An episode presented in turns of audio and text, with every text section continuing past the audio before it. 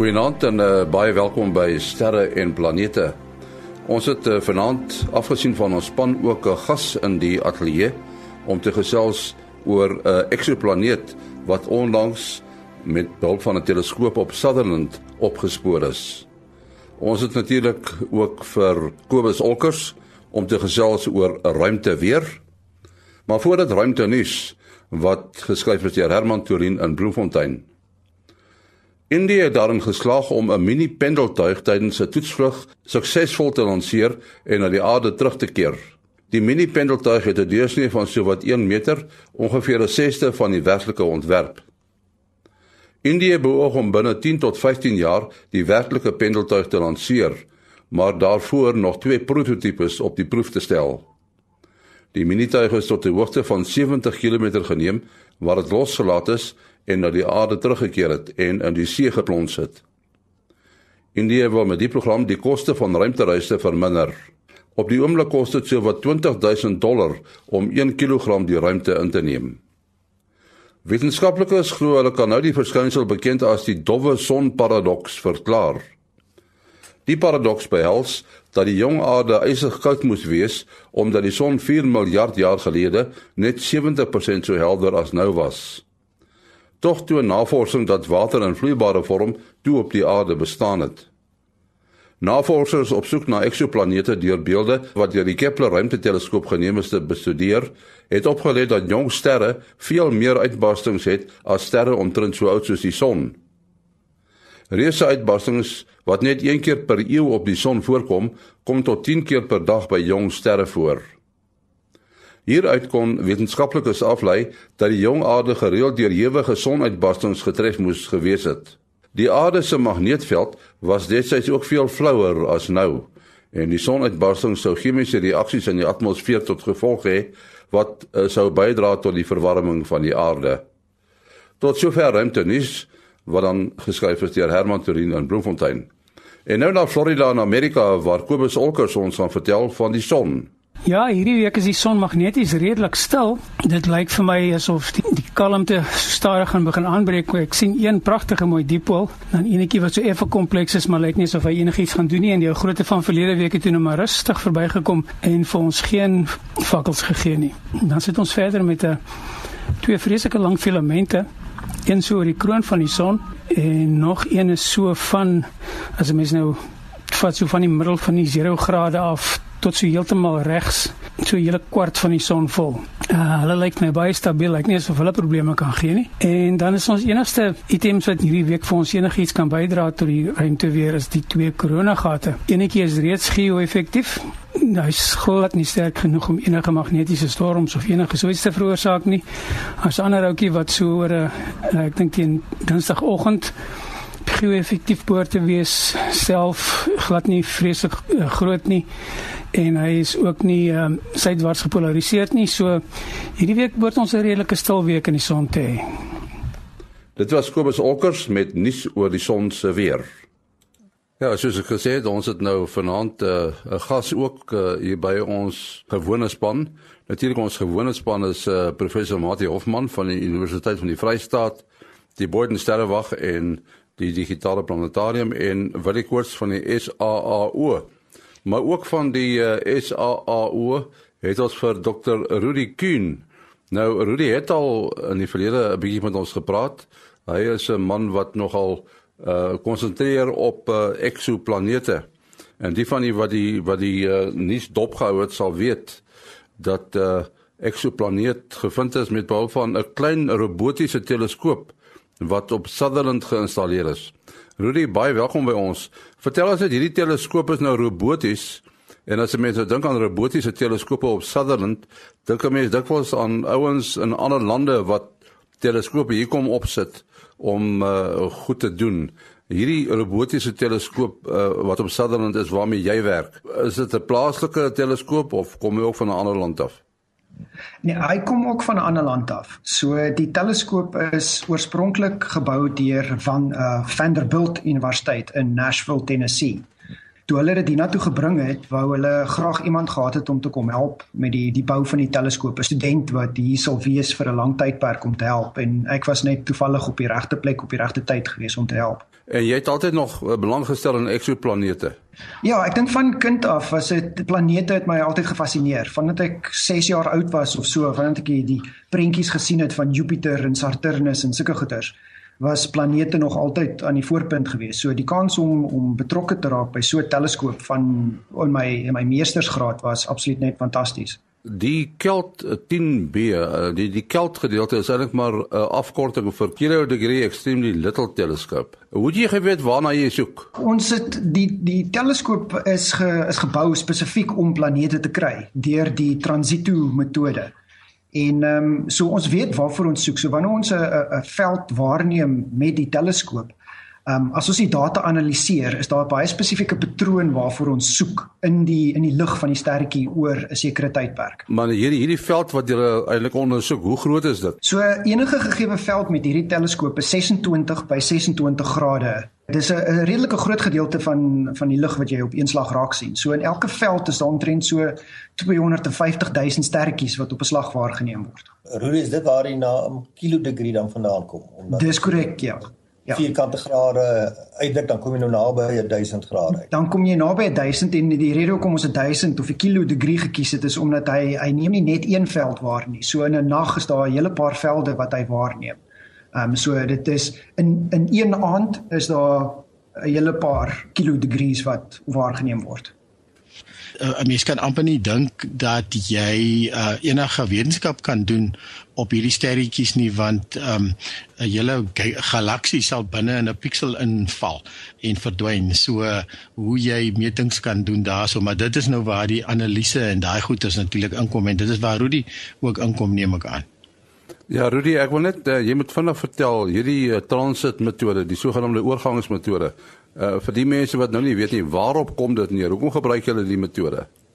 So die die rede hoekom hierdie metode gebruik is, dit is dis redelik maklik om baie groot planete baie maklik waar te neem. Ehm um, so wanneer 'n Jupiter tipe planeet voor sy sterretjie verby beweeg, dan blok hy 'n sekere hoeveelheid lig van daai sterretjie af.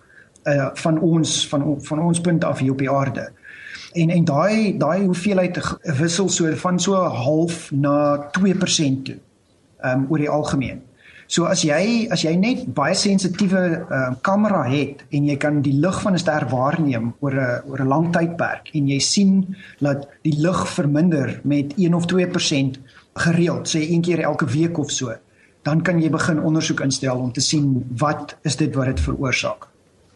Nou, wat moet gebeur daar om te kwalifiseer as planeet want sien nou daar kom 'n asteroïde tussenin of iets anders. Ja, so so om te kwalifiseer vir 'n planeet moet dit op 'n gereelde basis gebeur en dit moet gebeur op 'n baie spesifieke tydstip. En dan wat ons dan doen is dan gebruik ons groter teleskope. Soos Willie gesê het, 'n hele galaksie pas binne in een piksel van ons kamera in. So dis baie moeilik om om baie keer uit te ken watter sterretjie is die een wat verantwoordelik is vir die verdowwing van die lig.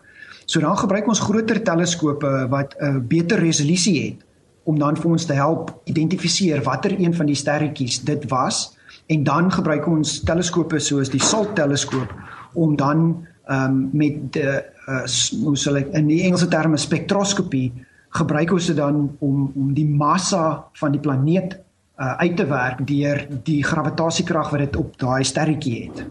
Die Kelp-10b, dit is nou uh, 'n uh, planeet uh, wat so min of meer soos Jupiter lyk, uh, baie naby aan aan sy ster, aan sy son. En dit draai dinge eintlik nou 'n uh, bietjie om, nee, want tradisioneel het mense gedink dat jy, jy kan eers jou rotsplanete en dan jou gasplanete, maar hier is ons gasplaneet baie naby aan sy ster. Ja, dis dis korrek. Ek weet toe die eerste planeet van hierdie klas ontdek is hier in 19 in die sê laat 1990s, het almal gedink dit moet iets anders te wees. Dis onmoontlik om 'n planeet te wees. En soos ons meer en meer van hulle gekry het, het dinge begin verander want soos jy sê, ons het altyd gedink die rotsplanete moet aan die voorkant wees en die gasplanete aan die aan die buitekant. Maar wat ons deesdae sien is dat 'n uh, 'n sonnestelsel of 'n sterrestelsel kan kan enige kant om wees. Daar is nie 'n spesifieke manier waarop hulle vorm nie. Daar is klomp verskillende maniere waarop hulle vorm. Ja, mens wonder nou as so 'n gasplaneet naby 'n uh, 'n ster is 'n uh, 'n son wat baie warm is, sou dit nie 'n effek kan hê op die gas nie. Uh ja, dit is dit het gewoonlik. So daar is baie van hulle. So hierdie ene is in 'n in 'n wentelbaan van omtrent 4.2 dae. So dis hy gaan baie vinnig rondom die sterretjie. So as jy net in ag neem dat Mercurius gaan in 90 dae of 89 dae rondom die son. So hierdie ding is 20 keer nog nader as dit en hy's so swaar en so groot soos Jupiter. So dis 'n daar is 'n uitwerking, party van die wat ons wat ons al gesien het met die met die Hubble teleskoop in in die ruimte hulle jy kan ek jy kan sien hoe die gas afgestroop word um van die planeet af. Mense staan altyd verstom as jy nou net, na ons eie sonnestelsel kyk, weet hoeveel verskillende soorte planete mense kry. Geen twee planete lyk dieselfde of is dieselfde nie. En hierdie uh Kel 10b is 'n kleiner massa uh, bereken julle en maar jy wat groter, meetbaar groter as Jupiter, so hy moet baie minder dig wees. Hoe sou mens dit nou kan vergelyk? Hoe hoe in die sy buitenste laag? Wat hoe sal sy digtheid byvoorbeeld vergelyk met die digtheid van uh van die aarde se se materiaal of die atmosfeer van die aarde en uh hoe pas dit in by die huidige verstaan van sonnestelsels? Ja, so so die planeet se se oppervlakte, ons dink hy bestaan meestal uit waterstof uit. Omdat hy so swaar is, is meeste van die waterstof in 'n in 'n vloeibare ehm um, fase. So dis net die buitenste laag wat miskien in 'n in 'n ehm um, so 'n gasvorm is. Dis dieselfde soos wat Jupiter is. Ehm um, maar die planeet is baie naby aan aan die ster. So ons dink die oppervlakte van die planeet volgens berekeninge behoort hy so 1100 tot 1200 grade Celsius te wees. En omdat hy so naby is, wys dieselfde kant van die planeet wys altyd na die ster toe. So as jy op daai punt sit, sien jy altyd daglig selfs soos wat ons altyd net die een kant van die maan sien. Ons sien nooit die agterkant van die maan nie omdat hulle die, uh, hulle hulle hulle word tidally locked is die naam wat ons gebruik in Engels. Ehm um, so dit is wat ons dink gebeur op hierdie planeet ook. Maar die planeet is baie minder dig as water. Hy's omtrent 'n uh, 'n derde so dig soos water. So in in die artikel wat geskryf is, het ons gesê dat as jy 'n oseaan groot genoeg sou kon kry, sou jy hierdie planeet kon laat dryf in die oseaan. En die die feit dat die een kant nou altyd na die uh son kyk, ag na sy ster kyk, ehm uh, en die ander kant nou altyd weg, gaan ons dan nou 'n noemenswaardige temperatuurverskil tussen die twee kante tot gevolg hê. Het ja. dit nie 'n uh, radikale invloed op die die weer van hierdie planeet nie? Ja, daar's 'n redelike ehm um, 'n redelike temperatuurverskil want soos die ander kant gaan dan baie baie lae temperatuur hê. So dan on, ons dink daar is ehm um, maniere waarop uh, wind of so iets die hitte van die voorkant na die agterkant te oordra. En ehm um, die teorie op hierdie stadium ehm um, uh, sê dat daai wind is is wat die planeet laat groot word, laat laat vetter word of oppof ehm um, meer as wat hulle as wat teorie vir ons normaalweg sou gesê het. So hierdie hierdie 1200 uh, uh, grade Celsius oppervlak uh, temperatuur is dit dan die gemiddeld reg oor die planeet of ek neem aan hy gaan natuurlik heelwat warmer wees aan die aan die sonkant en heelwat koeler aan die ander kant maar soos jy sê daar's nou meganismes wat die wat, wat die spul meng. Uh en en is die temperatuur net van sy ster of of is dit ook soos Jupiter dat hy effens nog besig is om mekaar te te te te tuimel wat eh, wat wat hitte van die van die van die kern af opwek. Ons ons dink dit is net die voorkant van die planeet wat uh, wat hierdie temperatuur het. Dit is moeilik vir ons om die agterkant te sien. Ons is besig om om planne bymekaar te maak om met die Spitzer teleskoop, die infrarooi teleskoop, presies die die hitte van die van die planeet te meet en te sien hoe dit oorgedra word van voor tot agter. Ek dink hy's 'n klein bietjie ouer as wat Jupiter is. Ek dink die planeet, ons het altesaam met ons ons dink hy's omtrent so 9 miljard jaar oud, die die stelsel waarin hy waarin hy is. So hy's omtrent dubbel so oud soos ons sterrestelsel. So ons dink nie die planeet is besig om nog steeds saam te kom nie. So die planeet is is so groot soos wat hy sal wees. Hy gaan nie kleiner word nie. Hy sal dalk net groter word hoe warmer hy word um oor tyd. Wanneer het julle besluit dat dit is nou 'n planeet want gewoonlik as mense nou sulke goed uitvind in julle wêreld dan is daar so iets soos 'n peer review nee 'n portiel oorsig so 'n diere rukkie voordat 'n mens kan sê dit is 'n planeet. Ja, so ons het hierdie planeet het ons ons het hom 'n uh, kandidaatplaneet eerste geïdentifiseer in omtrent kom ons sê so dit was seker Junie maand in 2013 gewees en toe 'n paar dae voor my gradeplegtigheid by die Universiteit van Kaapstad. So ek so 3 dae voor my gradeplegtigheid. Toe laat hulle ons weet dat dit is nou finaal geïdentifiseer as 'n planeet. So die massa is reg en uh, die grootte is reg en al daai dinge. En dit was Desember maand 2013. So van 2013 af tot onlangs toe het ons nog meer data bymekaar gemaak om hierdie om die, die artikel te skryf. So die artikel behoort hierdie maand in die in die wat is dit die maandelikse soort van review van van van van Engeland uit te kom. Ja, en en om miskien net da, nog 'n bietjie perspektief te stel, die Kelt uh, koepeltjie is in 2008 reeds gebou as my somme reg is. So uh, soos ek en Rudy ook eendag gepraat het, die die die statistiek moet eers inskop om en jy moet genoeg omwentelings bymekaar maak om genoeg inligting te kry om regtig die goed eers bevestig te kry nie waar nie. Ja, dis reg. So so die, ons het ons het met ons volle data aanneming begin. So die teleskoop is gebou in 2008 2009 was soort van 'n 'n beginsjaar. Ons het toetslopies gedoen en so aan en toe het ons in Januarie maand 2010 werklik waar begin met die die observasies. En so van 2010 tot so middel 2013 is wanneer ons begin genoeg data bymekaar gemaak het om seker te maak dat dit 'n planeet is. Daar's 'n Keld Noord. Ehm um, maar die werk al 'n bietjie langer en hulle kan natuurlik nie dieselfde velde sien as ons hier in die suide nie. Ja, dis reg. So die die Kelt uh, Noord teleskoop het hulle gebou. Hulle het begin 2004 en hulle het begin in 2006 maar hulle teleskoopie was op daai stadium was hy nie so heeltemal roboties geweest soos wat die een in Sutherland is nie. So het hulle het ons soort van saam die 2008 een wat ons om hier gebou het, die die die software en die en die rekenaargoeders wat uitgeskryf het, is dan oorgedra na die Kelt Noord teleskoop toe ook hier in 2009 rond. Wat ek nou net probeer seker maak ek verstaan dit reg.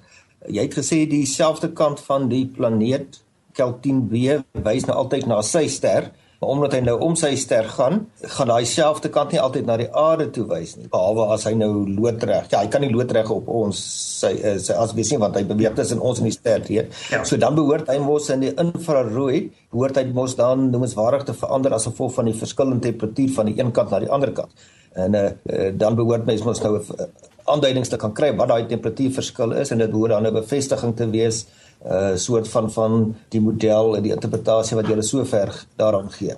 Dit dis korrek ja. So so wat 'n mens doen is met die infrarooi die die Spitzer teleskoop wat hulle doen is hulle kyk na die sterretjie, so hulle hulle meet hoe warm die sterretjie is. En dan wanneer die planeet agter die sterretjie verdwyn, 'n soort van die die hoe sal mense sê die anti-transito. Ehm um, dan dan is daar minder infrarooi radiasie wat na die teleskoop toe kom. So dan meet hulle die verskil. En dan wanneer die planeet weer voor hom verby beweeg, dan blok hy 'n sekere gedeelte van die lig, dan neem hulle dit dan dan dan trek hy weer af van die van die uh so hulle moet wanneer die planeet nie agter die sterretjie is nie en ook nie voor die sterretjie is nie, kry jy die lig of die die temperatuur van die sterretjie alleen. Um en dan wanneer die planeet rondom hom beweeg kry jy dan 'n situasie waar jy ekstra energie bysit of energie wegneem en so kan hulle dan bepaal wat die temperature is. Nou ja, ongelukkig moet ons daar uh, stop. Uh maak jy besonderhede. Uh selfoonnommer 0836257154. 0836257154. Rudy, het jy 'n uh, e-posadres as mense met jou wil korrespondeer? Ja, ja, hulle kan my kontak by uh dis rudy uh @saao www.ac.za. Nou, en Willie. My nommer 0724579208. 0724579208. En uh, my e-pos is maas.henny@gmail.com. maas.henny@gmail.com. Volgende week is ons weer hier op ons plek. Tot dan, mooi loop.